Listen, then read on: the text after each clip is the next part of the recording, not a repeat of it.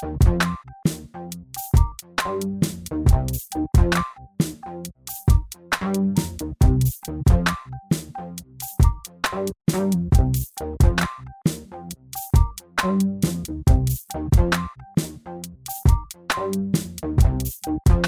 gente tem uma alegria, primeiro porque a gente foi contemporâneo, né, do departamento de, de jornalismo, que na época era DECOM. A gente teve a oportunidade de estudar junto e também a gente teve a oportunidade de passar é, pela instituição que foi o SESC, né, dentro do setor de cultura, coordenado pelo Chico Noronha.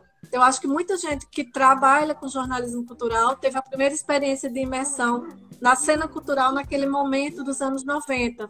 Então, acho que a gente precisa contar também um pouco dessa história, né? Porque Chico Noronha fez uma gestão que marcou né, o, o a, a, dinâmica do SESC e com todas as atividades ligadas à parede poética, ligadas ao Festival de Música, Festival de Teatro Comunitário, as mostras, legal.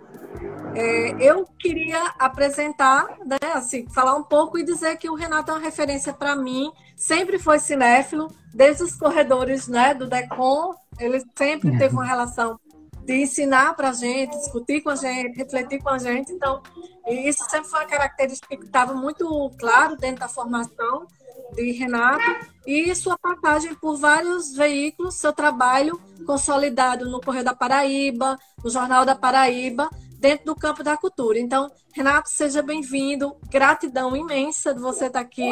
É, admiro o seu trabalho e sempre aprendo muito com, com o que você constrói na reflexão sobre, sobre jornalismo cultural e sobre cinema. Boa noite. Boa noite, Sandra. Boa noite todo mundo que está aí. É, não sei se está todo mundo conseguindo me ver agora. É, bom, estamos aqui, né? É, é para falar de um filme que é muito bom, né? Mercado de Notícias, adoro esse filme. Vi no CinePE em 2014, quando ele foi lançado lá, e depois, de novo, na, quando passou no cinema, naquele ano mesmo, assim. É, e é, falar de cinema é sempre muito bom, e, e, cinema e jornalismo é uma coisa que eu gosto demais, assim. Acho que o cinema rendeu muitos grandes filmes sobre jornalismo, né? Em vários países, né? Nos Estados Unidos, aqui no Brasil também. E eu acho que vocês estão fazendo uma coisa muito interessante, que é essas lives para discutir esses filmes, né? E o jornalismo no cinema também. Então, estamos aí. Ah, é, esse filme é muito desafiador, né? Eu acho que todos os filmes que trabalham um pouco com a temática do jornalismo, ele eu acho que ele é desafiador para o campo, ele é desafiador para a área, né? Porque ao mesmo tempo que ele coloca uma visibilidade, todo filme eu acho que toca na questão do jornalismo, da representação social do jornalismo, ele interpõe com eles questões que são dilemas sociais, que são tensões dentro do social. E o Mercado de Notícias, ele é um filme que ele é contundente, né, nas questões. Ele é um filme que ele é baseado numa peça, né? A gente pensa, poxa, quando começou essa história de jornalismo, né? Quando é que a gente começa a se forjar enquanto uma rotina de trabalho, enquanto uma identidade profissional, enquanto uma relação social de trabalho também, né? Uma relação dentro da questão da opinião pública. Então, ele faz logo é uma coisa super interessante porque ele começa a pensar o jornalismo a partir de uma leitura crítica dessa peça, né, de um dramaturgo inglês, é uma peça de 1625, e ele vai começar a trabalhar o projeto a partir da, da tradução da peça, porque a peça ela não está traduzida, né? Ela é uma peça que é, é de State New, né? E aí ele buscou essa tradução junto com, com outra profissional para desenvolver esse projeto. E ele vai pegar os atores né, de, de Porto Alegre e vai começar a construir é, uma crítica também a partir daquele, daquele trabalho, uma crítica bem estruturada. Como você falou, ele foi, ele venceu né, o CinePE naquele, naquele período de, que foi que começou a circular. E, e tem um lado também muito bem-humorado, né? Acho que você vai conversar também. É, mas aqui, ali naquele momento da peça, o jornalismo ele ele estava se se estruturando, né? E a peça, é, o filme, ele começa a, a, fazer um pouco essa memória. E a gente conhece o Jorge, o trabalho do Jorge, pela Ilha das Flores, né? E a gente sabe que ele trabalha também com essa dimensão da metalinguagem para falar sobre as coisas, da, da associação para falar sobre as coisas. E aí o jornalismo ele estava tentando naquele momento se definir como atividade profissional, né? Então eu queria começar perguntando, né, diante dessa realidade que hoje está marcada pela desinformação, né, pelo investimento do grande capital nesse, nesse jogo das informações falsas, né, de, de, de desorientação. É, é, como é que você acha que, como é que você pensa, né, essa atividade do profissional do jornalismo hoje? Né? Você tem vários profissionais no mercado de notícia que vão falar sobre esse momento que eles estão atravessando lá em 2014, logo depois das manifestações de junho, e a gente está nesse momento no Brasil, logo um momento posterior dessa aceleração, dessa hibridização com as mídias sociais, com a cultura digital e de um mercado de notícias marcado pela desinformação. Então, queria começar pensando como é que você analisa a atividade jornalística hoje, né? É, o, veja só, é, o mercado de notícias, ele, ele surge, o filme, né? Surge para o Jorge Furtado a partir do blog, né? Que ele, não sei se ele escreve ainda, mas ele tinha um blog na, no site da Casa de Cinema de Porto Alegre, que é a, uhum. a empresa lá, produtora é, dele, do Carlos Gerbasi, né? Lá, lá em Porto Alegre mesmo. E por onde Ilha das Flores foi produzido, por exemplo. E o, o vários assuntos que ele debatia ali. Ele não é um blog sobre cinema especificamente, mas ele ficava discutindo o Brasil, né?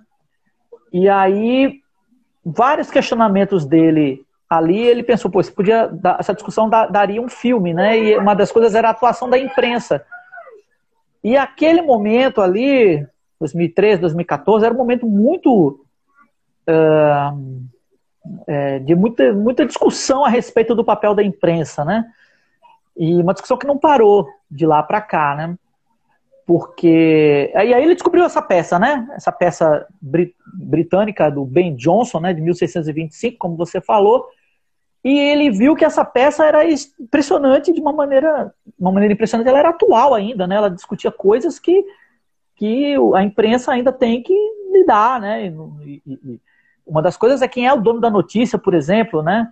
É uma questão de uh, o que é a notícia, né? A quem interessa a notícia que está sendo uh, colocada no, naquele veículo e de que maneira ela está sendo colocada, né?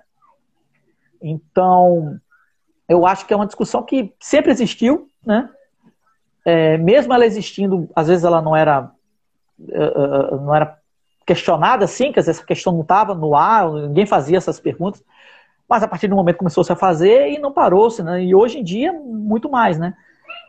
O Jânio de Freitas, que, que é um dos, um dos entrevistados do filme e que é, é, diz algumas das melhores coisas lá no mercado de notícias, ele fala, ele fala o seguinte, meu filho tá ali. tá bom, filho. É. Ele Aí, bom, o Jânio de Freitas faz o quê? Ele, ele diz assim uma hora, ele diz, eu tenho uma esperança que não é muito grande de que é, as pessoas entendam que o jornalismo depende do jornalista. O que isso quer dizer, né? E não era é, de lá para cá essa necessidade aumentou muito, né? Porque a gente ainda não era assolado pelas fake news como é hoje, né? Ah, a gente teve uma eleição onde as fake news tiveram um papel protagonista, né? Uh, e, e, não parou, né? Não parou. A gente está tentando, de alguma maneira, descobrir de algum jeito como minimizar o impacto dessas notícias falsas e espera-se que, agora que há processos né, sobre isso, que quem, quem dissemina pague por isso. É, mas, é, imagina, né? Quer dizer, isso não é jornalismo, né? O jornalismo depende do jornalista, né? E depender do jornalista, é, implica numa conscientização das empresas que às vezes elas não têm, né? Elas não têm. O jornalismo, o profissional jornalista é muito maltratado pelas empresas, né? E a gente entrou num momento E aí veio a pandemia para piorar tudo, então entrou no momento em que as empresas começaram a passar por grandes apuros e quem primeiro paga o preço é o jornalista, né? É, paradoxalmente, né? Então é uma pergunta que está sempre em dia, não sei qual é a resposta, não tem uma resposta fácil para isso, mas o Jânio continua tendo razão, né? O jornalismo depende do jornalista, né? Só que o jornalista depende de várias coisas, né? De um lugar para trabalhar, de condições de trabalho, e isso já não é mais tão simples assim, né? Embora a internet tenha popularizado a instituição do blog, em que cada um pode ter o seu blog, mas isso também é, é uma, um conceito complexo, né? Até que ponto você escrevendo no seu blog, você é um jornalista ou não, né? Que o trabalho de jornalista é mais complexo do que você simplesmente escrever sua opinião num blog, né? Hum. E você tocou num ponto do Jânio, na presença do Jânio. O Jânio também, até hoje, ele, ele escreve, ele é atuante, né? E também muitos outros jornalistas que ali ele, ele convidou para fazer parte daquela leitura daquela peça, né? E é, o filme é importante que ele é construído nessa interlocução dessa leitura pelos outros atores, né, no, na cena em si, de interpretar os papéis, e os papéis também que discutem o próprio lugar do jornalismo na sociedade, né? E questões que perpassam até hoje esses dilemas, esses enfrentamentos. E também é, convidou vários profissionais de imprensa, né? Você tem o Mino Carta, né? Você, a gente tem o Jânio, a gente tem o Geneton Moraes Geneton. Neto, a gente tem a Renata Loprete, a gente tem a Cristiana Lobo, né? a gente tem profissionais assim é, de, de também uma, uma, uma, de diferentes gerações. E aí eu, eu, eu fico me perguntando, porque uma das questões que eu acho que está ali presente tem a ver com no momento de, de redefinição, né, é se pensar a identidade. Né? Ora, o que faz o jornalista ser um jornalista, né? E o que faz é, também é o que que vai a atividade do repórter dentro dessa conjuntura de, de mediatização e de cultura digital, ela é um pouco redefinida. Mas aí o que, que é uma permanência? Né? O que, que é aqueles, o que os nossos colegas que vieram antes de nós, atravessando esse momento de mudança tecnológica, é, consegue construir a partir daquele debate presente ali no, no, no, no mercado de notícias, dessa atividade profissional. O que é que você acha que, que permanece dentro do trabalho e que são questões do nosso campo que, que também nos definem, né? Na atividade do, do jornalista, na atividade do repórter. E desde já, é, mandando um abraço para Felipe, né? Também mandando um abraço para Marcos Vilar, que está com a gente. Então, para todo mundo que está já continua chegando para esse bate-papo Olha só, é, eu acho que, como eu disse, existem duas. É, o, o, o, trabalho do repórter depende de várias coisas. Uma das coisas, por exemplo, é, é, é a empresa ajudar, né? A empresa ajudar não atrapalhando já é, já é bom, né? Porque existe assim, o interesse é, do, do enfim, da empresa que às vezes, ou muitas vezes, interfere no trabalho jornalístico, né? E muitas vezes a própria redação tem que driblar um pouco isso, ou, ou procurar um caminho ali no meio dessa, desses interesses para conseguir noticiar né, e, e, informar o leitor da maneira que ele deve ser informado. Né? Ou seja, com o máximo de isenção possível, né? o que é impossível. Né? A gente vive num paradoxo. Olha quem chegou aqui. Seja bem-vindo, amor. Beijo pra você. Vai lá. É assim, é porque ele está ele tá assistindo do outro celular. Aí... Bom, é como eu dizia, é, existe um paradoxo aí, né? E a gente às vezes tem que encontrar um caminho ali no meio do que a empresa, dos interesses da empresa, para poder noticiar do jeito que é preciso noticiar. Existe uma, um, esse paradoxo que é buscar isenção quando, quando tudo é, quando isenção é impossível, né? Assim, a imparcialidade é uma utopia que a gente tem que continuar procurando, né? Claro, evidentemente que todo mundo tem posições, né? E essas posições podem ou não influir no que você faz e pensa, mas o jornalismo tem que tentar, o jornalista, né, tem que tentar driblar isso e, deixar isso um pouco de lado para poder noticiar as coisas com o máximo de verdade que ele conseguir, né?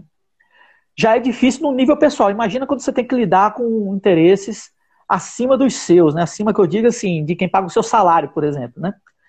Então isso é um problema.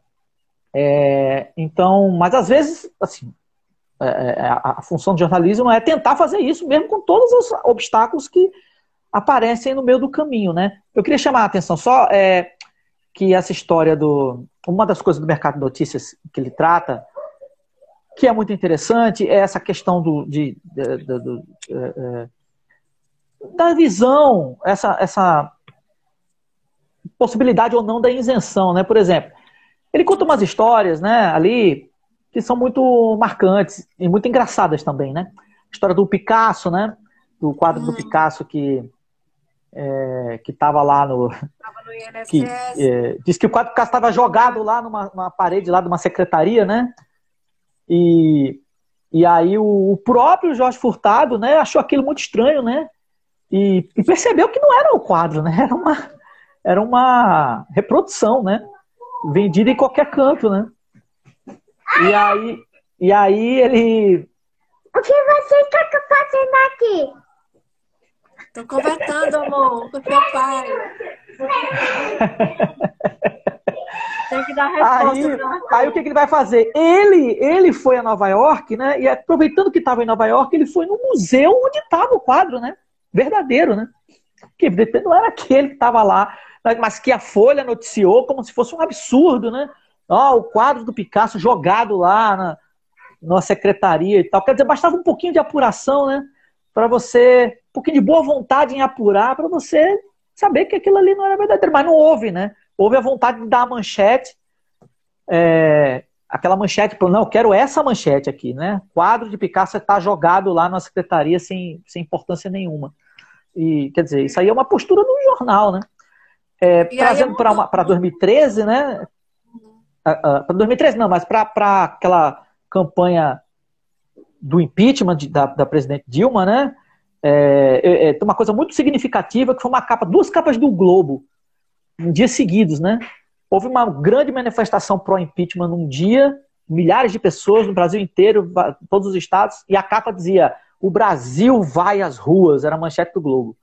No outro dia teve uma manifestação também imensa de milhares de pessoas em todo o país contra o impeachment. E a capa do Globo dizia assim: apoiadores de Lula e Dilma, blá blá blá blá blá. Ou seja, num dia é o Brasil nas ruas, no outro dia não é o Brasil nas ruas, né? São apoiadores de Lula e Dilma para coisas que são a mesma coisa, né? Então você vê aí como, como a, a, a, posição do jornal e a boa ou má vontade do jornal, da, da empresa em si, influencia um fato que a rigor é o mesmo fato, né? Milhares de pessoas na rua pedindo por alguma coisa, né? é a mesma a coisa do Picasso, né, Lado? Uhum e que tem a ver, eu acho, com dois aspectos que eu queria destacar, que você fala, que, primeiro, é, por maior que seja o jornal, a empresa, né, a, a, o jornalismo ele é passível de erro, né? Essa relação da necessidade constante de conferir, né? Os erros eles existem, né? E a necessidade de um sistema de secagem. E que hoje eu acho que essa desconstrução Sim. do jornalismo ela passa pela fragilização desse sistema de, de, de rotina, né, da relação também tempo-espaço, né, de uma perda né, da vivência da reportagem e essa, essa dimensão da, de, de, de porque é, é, existe um, um, problema muito grande dentro de um sistema que ele é construído, é, que já é um problema, na verdade, a questão da desinformação.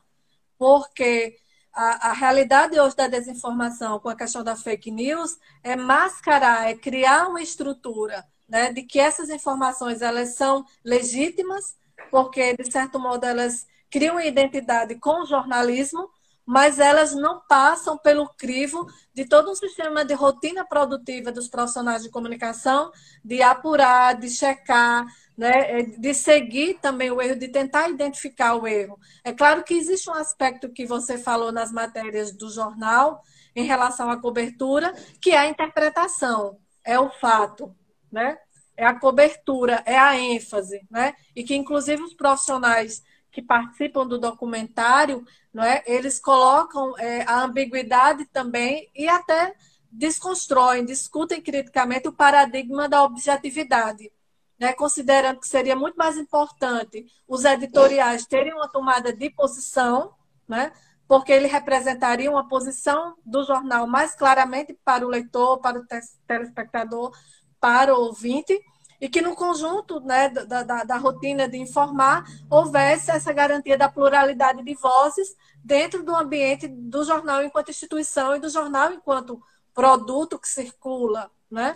Então, eu acho que são, são muito importantes essa, essas, essas reflexões que o filme ele traz em relação é, de que como é importante também a gente ter a clareza que você é, ser um, um, um, produtor de conteúdo, necessariamente você não tem, por princípio, agir conforme essa normatividade social é, da profissão, né?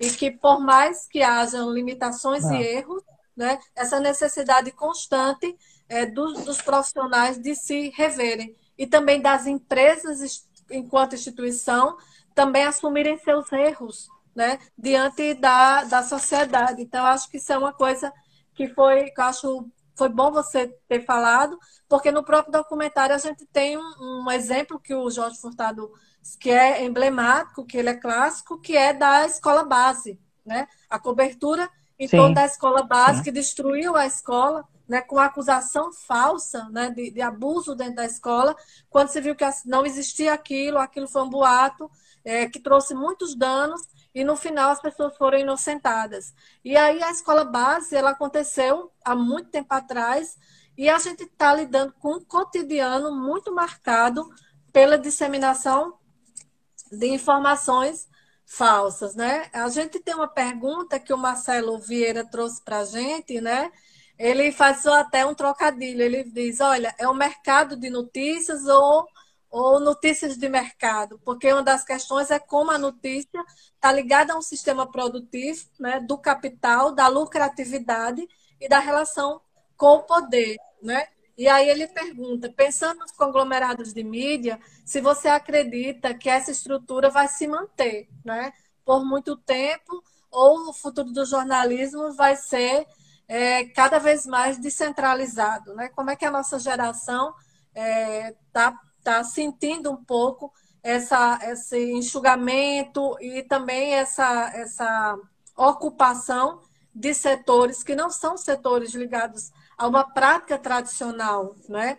dentro do campo jornalístico, mas que estão tomando é, espaço é, com a informação cada vez mais construída a partir do marketing. Por exemplo, marketing de influência né? Um marketing de influência ou um conteúdo noticioso, entre aspas, que ele é um conteúdo publicitário, na verdade.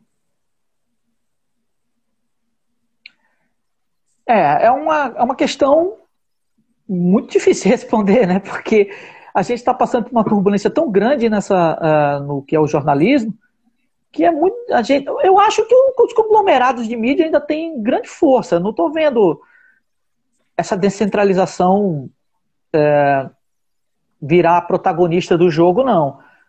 O que acontece é o seguinte: primeiro, quando você fala de fake news e que a fake news, as fake news, é, a gente tem que pensar o seguinte: as fake news, a, a, a, mais do que serem notícias erradas, na verdade são é, invenções que usam do, da estética do jornalismo para disseminar mentiras, né? Mentiras que não tem nada a ver com jornalismo, na verdade, né? São invenções puras, né? Mas que usam da estética do jornalismo, o mesmo jornalismo na internet, né? O link, o texto jornalístico mesmo, né? Quer dizer, esse tipo de, de forma, de formato, ainda tem uma credibilidade, porque até para passar notícia falsa você usa, né? É, e é preciso, então, uma conscientização das pessoas que, uh, de, de, que é preciso procurar a imprensa, mesmo com todos os problemas e, e com erros e com pendências assumidas ou não, mas é na imprensa mesmo, profissional, que você vai ter o mais perto possível de uma informação correta e que vai lhe ajudar a tomar sua própria posição, né? É, é claro que é preciso saber filtrar coisas, né? Preciso, preciso pensar, né? Pensar mesmo, né? ler e, e, refletir, né? Raciocinar e tudo. É, é, que é totalmente o contrário do que você recebe pelo fake news que você recebe pelo WhatsApp e passa para frente sem, sem nem ler o conteúdo, quanto mais refletir sobre ele, né? Então é muito difícil, né? Porque a coisa acaba, acaba chegando no, num ponto em que é preciso que o leitor tenha uma, uma proatividade, vamos dizer assim, ao, ao ler as coisas né, que, que ele está lendo e a, ao interpretar o que está assistindo também. A princípio, a questão de descentralizar a notícia tinha um, uma, uma, um caráter mais democrático, né? Assim, a gente estaria um pouco livre dessas amarras que as famílias poderosas, donas dos grandes conglomerados de mídia do Brasil, têm com o poder e tal, não sei o quê. Em certa parte isso é bom, porque ah, surgiu um, movimento de uma mídia independente que, que, que ganhou uma repercussão, né? Temos vários exemplos aí. Por outro lado, também aconteceu isso, né? Quer dizer, você tem de, dessa mídia independente os propagadores de fake news, uma mídia de péssimo caráter, né? E aí você vai ter que saber diferenciar uma coisa da outra, e aí vai depender do leitor, né? E, e a gente tem no Brasil, não sei a que ponto a gente tem o leitor muito bem preparado para poder fazer essa interpretação do jeito que ela deve ser feita, né? É, uma, um fenômeno que a gente tem hoje é de que as pessoas preferem não preferem buscar a verdade, mas preferem acreditar naquilo que é que, que diz o que elas esperam ler, né? O que elas esperam acreditar, né? Que concordam, notícias que concordam com elas, por mais absurdas que sejam, né? Então, a partir daí elas deixam de lado todo o resto e só ficam levando em consideração aquilo com o qual elas já concordam, né? E aí é um problema, né? É, isso isso está dentro da descentralização do, da mídia, né? Então eu não sei exatamente como é que a gente vai resolver esse nó. E é um nó que é muito complicado. Né? Hum. É, e aí eu fico pensando, né? Uma questão até que eu trazer para ti, assim, porque é uma questão também que a gente tem. Eu acho que enquanto profissionais de, comunicação, de imprensa, né, de quem, quem paga a conta, né? Quem é que paga essa conta? da, da desinformação, né? Quem é que promove essa estratégia da desinformação, da fake news, né? Porque existe também um sistema que está por trás de um, de um, do setor produtivo, que é falar da, da, da informação, né? da economia da informação, da economia política da comunicação. Então, na verdade, é, talvez um, um alerta para a gente também se perguntar ou perguntar socialmente na verdade, quem está construindo essa infraestrutura? Quem, o que está por trás? Quem está por trás né, dessa infraestrutura, que também é um modelo de negócio e que tem uma relação com os espaços é, de democracia ou tentar romper com a democracia, né, com a pluralidade de vozes, a partir de um direcionamento estratégico de des desorientação, de desinformação. Eu lembro que no filme é, é, é, é, bem no momento em que muitos dos profissionais são ligados às mídias tradicionais. Você vai ter outros profissionais que estão na mídia mais independente, né? Mas que, que mais que discutem, são profissionais de experiência dentro da mídia tradicional. Mas aí tem uma questão que se coloca, que é a mudança no modelo de negócio, né? De, da relação com a publicidade, com o anunciante que pagava toda a estrutura de produção é, das notícias. Então, a gente está no novo modelo de negócio também, né? com enxugamento, com a modificação dos hábitos de leitura, com a leitura indo para a internet de forma mais hegemônica, né? embora a gente tenha a televisão, que é o grande veículo dentro da nossa sociedade ainda de consumo de informação, mas você tem cada vez mais as gerações mais recentes, elas vão ter uma interação com a informação, com as notícias pela, pela internet, seja pelo Twitter, seja pelas, pelas portais de notícia, até dos veículos tradicionais, ou da mídia independente. E isso que você fala é bem pertinente, porque houve também uma abertura para outros projetos editoriais, né? como a agência pública, você tem mídia ninja, você tem as minas, você tem Tintiog, você tem uma série hoje de, de, de circuitos de informação independente que se fizeram possível através da internet. Mas você acha, assim, eu queria, é, quando estava escutando é, os profissionais abordando aquele momento né, que eles estavam vivendo ali em 2014, e que já era bem presente essa alteração no modelo de, de, de sustentação né, do mercado da informação, é, você acha que esse modelo de negócio mais recente, a partir das plataformas e também dos algoritmos, né, porque é preciso pensar é, a gente sempre criticou os conglomerados de mídia, a concentração de mídia no país a partir de pe pequenos grupos, né? o paralelismo político né? da imprensa com as instituições né? de poder. É, e, ao mesmo tempo, a gente tem uma conjuntura que, como é que a gente vai abrir? É, qual a transparência que existe nessas grandes corporações de mídia digital, por exemplo, em que nós nos ancoramos nos aplicativos? né, que somos guiados pelo, pelos algoritmos e pela opacidade dos algoritmos. Então, você acha que, assim, como é que você pensa? Você acha que esse modelo de negócio altera a nossa rotina de trabalho? Você sentiu isso é, na pele, no dia a dia, né? Trabalhando como editor né, de cultura, essa mudança da, da produção total das notícias, né? De que maneira, né? É, existe algum perigo nessa aparente descentralização, né? Todo mundo é blogueiro, todo mundo é jornalista? É, pois é, é, veja bem, é, sobre essa coisa do, da, como falou, mercado da notícia, notícia de mercado, né? Como eu falei, é, toda empresa tem seus interesses, né? Se você der sorte, ela não vai se meter muito no seu trabalho, não vai lhe atrapalhar, né? Se você der azar, ela vai atrapalhar muito, né? Atrapalhar muito.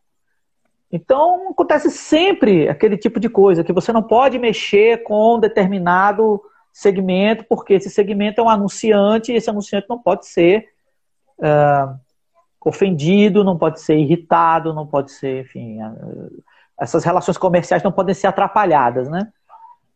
E aí você tem que saber lidar com essa coisa ou tentar descobrir um caminho onde você pode dar essa notícia assim, não vamos botar aqui meio disfarçada para não chamar muita atenção e não sei o quê. É um dilema que as redações sempre, sempre, sempre têm.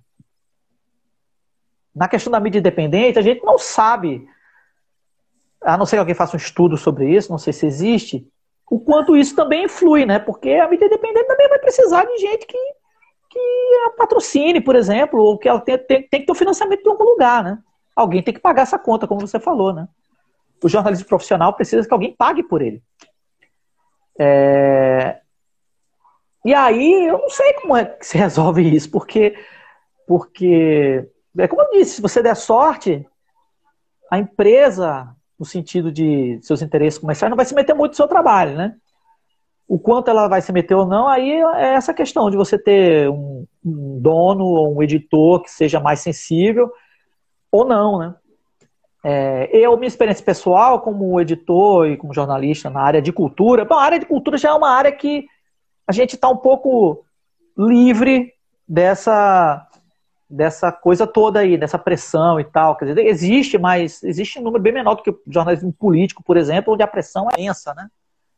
é, o jornalismo de cidades, por exemplo, que cuida dos problemas das cidades, e que também tem que saber que ali pode mexer, aqui não pode, aqui deve, porque aqui a empresa quer que mexa. Porque...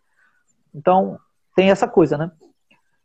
Aconteceram algumas vezes, é, principalmente, por exemplo, a empresa tem um evento, então você tem que noticiar o evento, porque é um evento da empresa e tal, tem que dar um destaque, ou aquele cara é amigo do dono, e por causa disso você tem que dar um destaque também porque ele pediu e blá blá blá, mas em geral, em geral você tem uma certa uma certa liberdade maior para você noticiar o que você acha que deve ser noticiado e opinar o que você acha que deve ser opinado.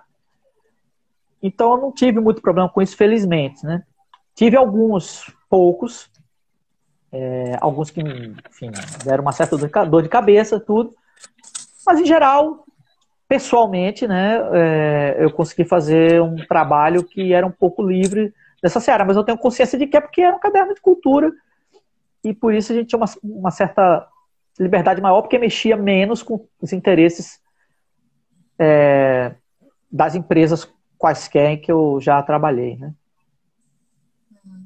Uma coisa boa do, do documentário, inclusive, é, é, é, aproveitando, imagino que muita gente, muita gente que está assistindo a gente agora já assistiu, mas quem, para quem não viu ainda, é um documentário muito bem indicado para quem não é da área, né?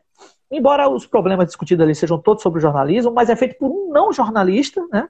Jorge Furtado não é jornalista de formação, e que é, é, e movido pela curiosidade dele sobre essas questões e, e, e, a maneira como ele trata delas é de uma maneira bem, é, embora ele vá fundo em alguns problemas, é, mas é de uma maneira bem acessível para quem não é da área, porque ele mesmo não é. Então, às vezes, ele faz perguntas para que os jornalistas pensem sobre a sua própria atividade, é, que há, muita gente não, não faz ou, ou, nem imagina que existam essas questões. Né? Então, é muito indicado para quem não é da área. Né? Eu, sempre, eu ach, sempre achei isso. assim. A gente, é, até às vezes, para quem vive os problemas da redação, a gente já sabe aqueles problemas. Os problemas que são discutidos ali, a gente já conhece. Mas quem só assiste ou lê não conhece, né? não sabe que, por exemplo, o problema da publicidade, essa questão uh, ética aí que a gente tem que lidar todo dia, de espaço, inclusive, quanto é, no, no, jornal impresso, por exemplo, a publicidade é o grande. É, é, é, a, grande ação de faturamento do jornal, mais do que a venda, mais do que a assinatura, é a publicidade. Então, a publicidade tem que ter um espaço. Quanto maior o espaço, mais dinheiro entra na empresa mas ao mesmo tempo menor é o espaço que você tem para fazer, para dar as notícias, para escrever, para o seu texto, enfim, é, tratar do assunto como você acha que ele deve ser tratado. Então, aonde é que é uh, que, que, que, é melhor não ter tanta publicidade ou é melhor ter tanta publicidade e, menos texto? Quer dizer, essa coisa é uma, é uma discussão de todo dia, né? No jornal impresso, por exemplo, ou numa revista.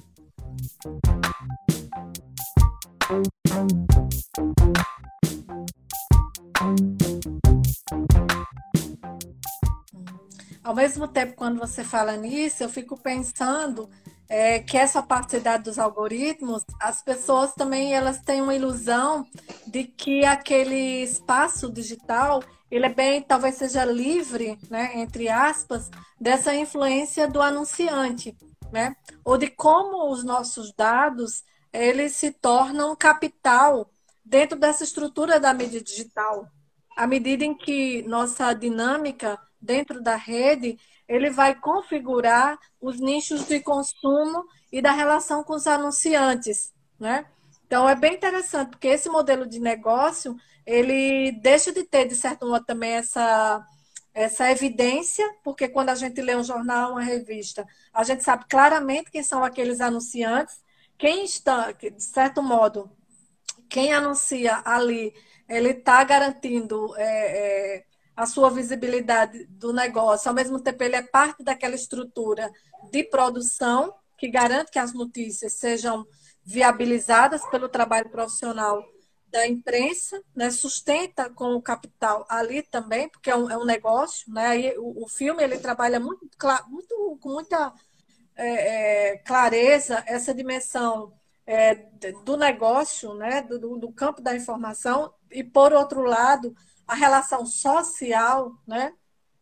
E o compromisso ético com a sociedade, com a democracia que o jornalismo é, tem. É, e, e, é um problema para a gente hoje essa dimensão dessa da opacidade dos algoritmos, porque muita gente pensa que ali está tudo de graça, né? que ali é tudo espontâneo, ah. que ali é tudo muito democrático, é, porque tem um mito em relação à internet que de fato a internet democratizou a comunicação. E eu acho que aqueles profissionais que dão depoimento no documentário, eles estão percebendo né, essa mudança do modelo de negócio. Ao mesmo tempo, é preciso que a gente encare é, criticamente é, quem está estruturando essa economia política da comunicação no meio digital. Né? Porque, é, do ponto é. de vista da, da Big Data, né, das, é, nossos dados, é, nosso cotidiano, ele entra como espaço dessa economia e que não está muito transparente para a gente, né? e, ao mesmo tempo, pode ser se, re, se reportar ao modelo de concentração muito grande em relação a empresas que são transnacionais e que interferem no processo democrático. E aí eu queria perguntar também para você, é, na verdade, assim, é, diante de tanta mudança, né, de tanta transformações, quais seriam assim os nossos elementos primordiais, né, no exercício, né, no atuar como jornalista, né? É, é, esses elementos eles permanecem, né? Porque lá no documentário eles começam a falar e eu me emociono muito. Eu acho que é uma reflexão é muito visceral, né? Todos eles assim que, que dão depoimento, eles têm uma relação muito visceral com o jornalismo. E eu queria saber de você, como é que você percebe assim, quais são os nossos elementos de permanência, né? De, de, de permanência ah. enquanto profissional. Você acha que a gente, pô, a gente vai segurar a onda, né? Porque eles diziam no documentário assim, não, não acredito que o jornalismo vai desaparecer. E muita gente coloca, não, isso vai desaparecer, o jornalismo vai desaparecer. Você acha que o jornalismo vai desaparecer? Olha, Eu espero que não, né? Eu acho que não vai desaparecer enquanto a gente estiver aqui, não. É uma questão cultural muito forte, né? Porque é, eu acho que o que acontece, veja bem, é, existe esse ímpeto de passar a informação, de transmitir a informação, de traduzir a informação que seja importante e interessante para o leitor, ouvinte ou espectador, que é uma coisa que, para quem é jornalista, é uma coisa mais forte do que, do que ele, vamos dizer assim. O cara pode fazer isso num blog, sem salário, sem. É claro que aí vai estar limitado ao, ao a verba, né? Que ele não, não vai ter, né? Mas ele ainda vai conseguir fazer alguma coisa, né? Mesmo numa empresa grande, média, grande, sei lá, você vai ter limitações em alguns momentos e outros não, né? Eu lembro que no Correio, por exemplo, a gente conseguiu fazer um, em determinado momento uma série de matérias no, no sertão. Eram os 40 anos do, de O de São Saruê, o filme do Vladimir Carvalho, e a gente conseguiu ir com Vladimir Carvalho ao sertão para visitar os lugares onde ele filmou aquele documentário dele lá e ver o que mudou, o que não mudou, por que mudou, por que não mudou. E aí a gente conseguiu colocar, era a Chia Basílio, nosso repórter, né? Colocar com o Gustavo Moura, fotógrafo, mandar todo mundo com o carro da empresa e tudo para o sertão ficar dias lá fazendo essa matéria. Voltamos, fizemos cinco reportagens grandes assim com essas questões. Houve outros momentos em que isso não foi possível, né? Fazer. Não, podia mandar um repórter dias a fio para o sertão do estado para com um fotógrafo a quem a gente pagou e tudo para fazer disponibilizar carro, gasolina, o diabo diária. Em alguns momentos não foi possível fazer isso, né? Em alguns momentos o jornal diz não, a gente pode mandar que a gente faz. Eu, enfim, houve momentos que eu pude ir para cobrir festivais em, em Gramado, por exemplo, e houve momentos que não também. Então, uh, o ímpeto de fazer a gente sempre vai ter, né? É, o quanto vai ser possível o alcance disso, aí é outra história, né? Eu acho que é, é, é, o jornalismo não vai desaparecer, não. O problema é que ele está enfrentando uma concorrência de algo que se finge de jornalismo, mas não é. Então, como é que se combate isso? É que é o grande problema, né, para o jornalismo hoje em dia, né? Ele se reapresentar de uma maneira que diga, olha, isso aqui sou eu e, e é aqui que você tem que é, confiar. Ou mesmo que seja confiar desconfiando, mesmo que seja confiar interpretando, mas é, o, o, mais confiável é aqui. Aqui que tem um profissional que está indo buscar informação e que tem a técnica de passar para você essa informação. É, eu acho que não vai desaparecer, não. Eu acho que está passando por um processo de transformação que eu não sei onde vai dar exatamente. E vamos ver, né? Agora, é, é, uma coisa que tem que ser dita é que, às vezes, essa questão. A questão do algoritmo é interessante porque é, é, ela, ela leva também a questão da bolha, né? É, a gente, como eu disse, as pessoas estão muito predispostas agora, em vez de buscar a notícia e interpretar para ver se você concorda com ela ou não, ou se ela vai mudar a sua posição ou não, é de descartar o que você não concorda e ir atrás só do que, já, do que você já concorda, né? Se você já está predisposto a isso, imagina com um algoritmo de internet que já faz isso para você, né? Que já, já quer é, jogar para você coisas com as quais você simpatiza, sejam comerciais ou sejam de informação, né? Então, o tipo de notícia que você costuma ler já são as que aparecem para você normalmente em destaque de Facebook, por exemplo.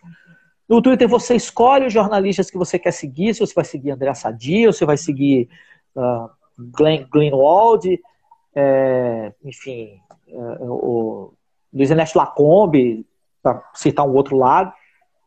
E aí, pronto, você vai seguir esses caras e você não vai seguir mais ninguém, você vai receber o que esses caras dizem. E pronto, quer dizer, você cria uma bolha ali. E, e... É engraçado, porque a coisa da internet, ela facilita as, o, o, seu acesso à, à, informação, o seu, a sua busca até a informação que você quer, mas ao mesmo tempo ela cria um, um problema, a meu ver, né? Que eu, que eu faço uma metáfora que é, é a, é seguinte: é, o jornal impresso, ou a revista impressa, é, ela tem uma vantagem é, é, é, adicional aí em relação aos sites, por exemplo, que é o seguinte: para você chegar na informação que você quer num jornal impresso ou numa revista, você tem que folhear o jornal e a revista para chegar lá. E folheando, você vai ler, nem que seja as manchetes, nem que sejam os títulos das matérias do começo das páginas, entendeu? Então você vai entrar em contato com informações que você não estava procurando. E ao, a, isso pode parecer que não é tão bacana, assim, ah, uma informação que eu não estou procurando, mas não, ao contrário, isso vai fazer você crescer, porque você também tem que saber informações que você não estava procurando, entendeu? É como uma biblioteca. Uma coisa que está em desuso, que é a biblioteca, né? Biblioteca física, de você ir lá e tal. É, quando você vai procurar uma coisa no Google, você digita lá no Google a informação, o Google leva você para o link que, que tem a informação, você lê e acabou, né? Mas na biblioteca, para você chegar no livro que você quer, você vai olhando os livros que tem ali e você vai, às vezes, dar com coisas que você não esperava. Que, opa, que interessante, o que é isso aqui? Sabe? E você acaba aprendendo coisas que você não estava, a princípio, procurando, não. Isso é bom. É bom isso. E a internet um pouco tira isso de você um pouco. Apesar de que tem hiperlinks, mas hiperlink pressupõe que você vai lá, enfim, de uma, de uma postura ativa sua, entendeu? É mais difícil, eu acho. Sabe, o Google facilita você chegar na informação que você quer, mas ao, mas ao mesmo tempo tira isso de você, tira o folhear das coisas, o folhear das informações. É, quando você digita a informação da notícia no Google e vai direto para a página, você não vê a página principal do, do jornal lá, do portal, não vê as outras manchetes, sabe? Você não rola a página para ficar vendo. Você não vê isso no, no, no, é, no Twitter, ou do jornal, por exemplo, porque ele só bota algumas matérias, não bota tudo. Isso limita você, entendeu? Então, é, é, paradoxalmente, os conglomerados de mídia ajudam um pouco nisso ainda. Quer dizer, um, um jornal, uma revista, ou mesmo jornal de TV que você tem que assistir para chegar naquela matéria que você está esperando, que foi anunciada lá no começo, você tem que ver o jornal todo, ou uma parte dele você entra em contato com informações que você não estava procurando sobre imposto de renda ou sobre é, a guerra na Síria, sabe? Ou a crise enfim, na Coreia do Sul, ou como o coronavírus está sendo tratado na África. Quem é que sabe isso hoje em dia? Porque ninguém quase diz. Entendeu? Então, tem essas, essas, essa coisa do, do, é, do algoritmo reforça isso, né? Quer dizer, só chega a você aquilo que você já, já quer, né? Porque o algoritmo aprende isso e só vai lhe entregando o que você quer, quase como se fosse comida de cachorro. Ele vai lhe alimentando ali com o que você já come e você não vê as outras coisas. Né? É um problema isso. É uma tensão também dessa hierarquização. É, a gente está quase caminhando para o final. Eu acho que a gente tem uns três minutos por aí. É, tem umas questões que o Joaquim Neto colocou, que ele acha é, do risco também das empresas tomarem um posicionamento, né, como o posicionamento é, que o Globo né, colocou em 2018 em relação à eleição presidencial. né, se os, os, os mesmos ficariam marcados por essa questão de tomada de posição. E também é, o Arthur perguntou a respeito da configuração do novo Ministério das, das Comunicações no Brasil. Eram questões colocadas para ti. E eu quero muitíssimo né, colocar para você, se você puder responder de uma forma é, rápida e também agradecendo a todas as pessoas que estiveram com a gente, agradecendo a Larissa, né, dizer que estou mandando um abraço, tenho muita admiração pelo trabalho dela e agradecer a todos os colegas profissionais de imprensa que estão nos acompanhando e também os nossos alunos e, e todos os nossos amigos também da universidade e pessoas que estão interessadas em discutir esse tema, né? E desde já passar para você para as suas considerações é, finais. Bom, eu acho que é, é, eu, eu, eu, vou tentar responder bem rápido. Essa coisa do Ministério das Comunicações, eu não, não, não teria muito o que dizer ainda a respeito disso, porque eu acho que é uma questão basicamente política, essa recriação desse ministério, colocando o genro de um dono de emissora que o apoia, que apoia o presidente. Como tantos outros ministérios desse governo, não vejo uma, uma, uma postura de colocar alguém lá que vá realmente fazer a coisa funcionar, não. Sei, vamos ver o que vai acontecer aí. É, eu, eu queria agradecer né, a, a, o convite reforçar que as pessoas assistam o filme. O filme não é difícil de ser encontrado. As, as entrevistas do filme com todos os jornalistas, elas estão no YouTube em versões maiores, inclusive completas, uh, separadas por personagem, né? Vale a pena dar uma olhada no, no, canal da Casa de Cinema de Porto Alegre. Eu recomendo que, que a gente assista, porque os caras são, enfim, há muita riqueza ali de informações e de opiniões. É, e o próprio filme pode ser encontrado na internet facilmente também. É sempre bom rever ou rever também. E, bom, a gente tem pouco tempo, né? Acho que basicamente é agradecer, agradecer a todo mundo que acompanhou. É, estamos aqui disponíveis e, e, e, recomendar também que assistam os outros filmes, as outras lives desse, do projeto e os outros filmes também, porque o jornalismo é um campo que o cinema ama demais e que rende sempre inúmeros grandes filmes assim que debatem ética e verdade.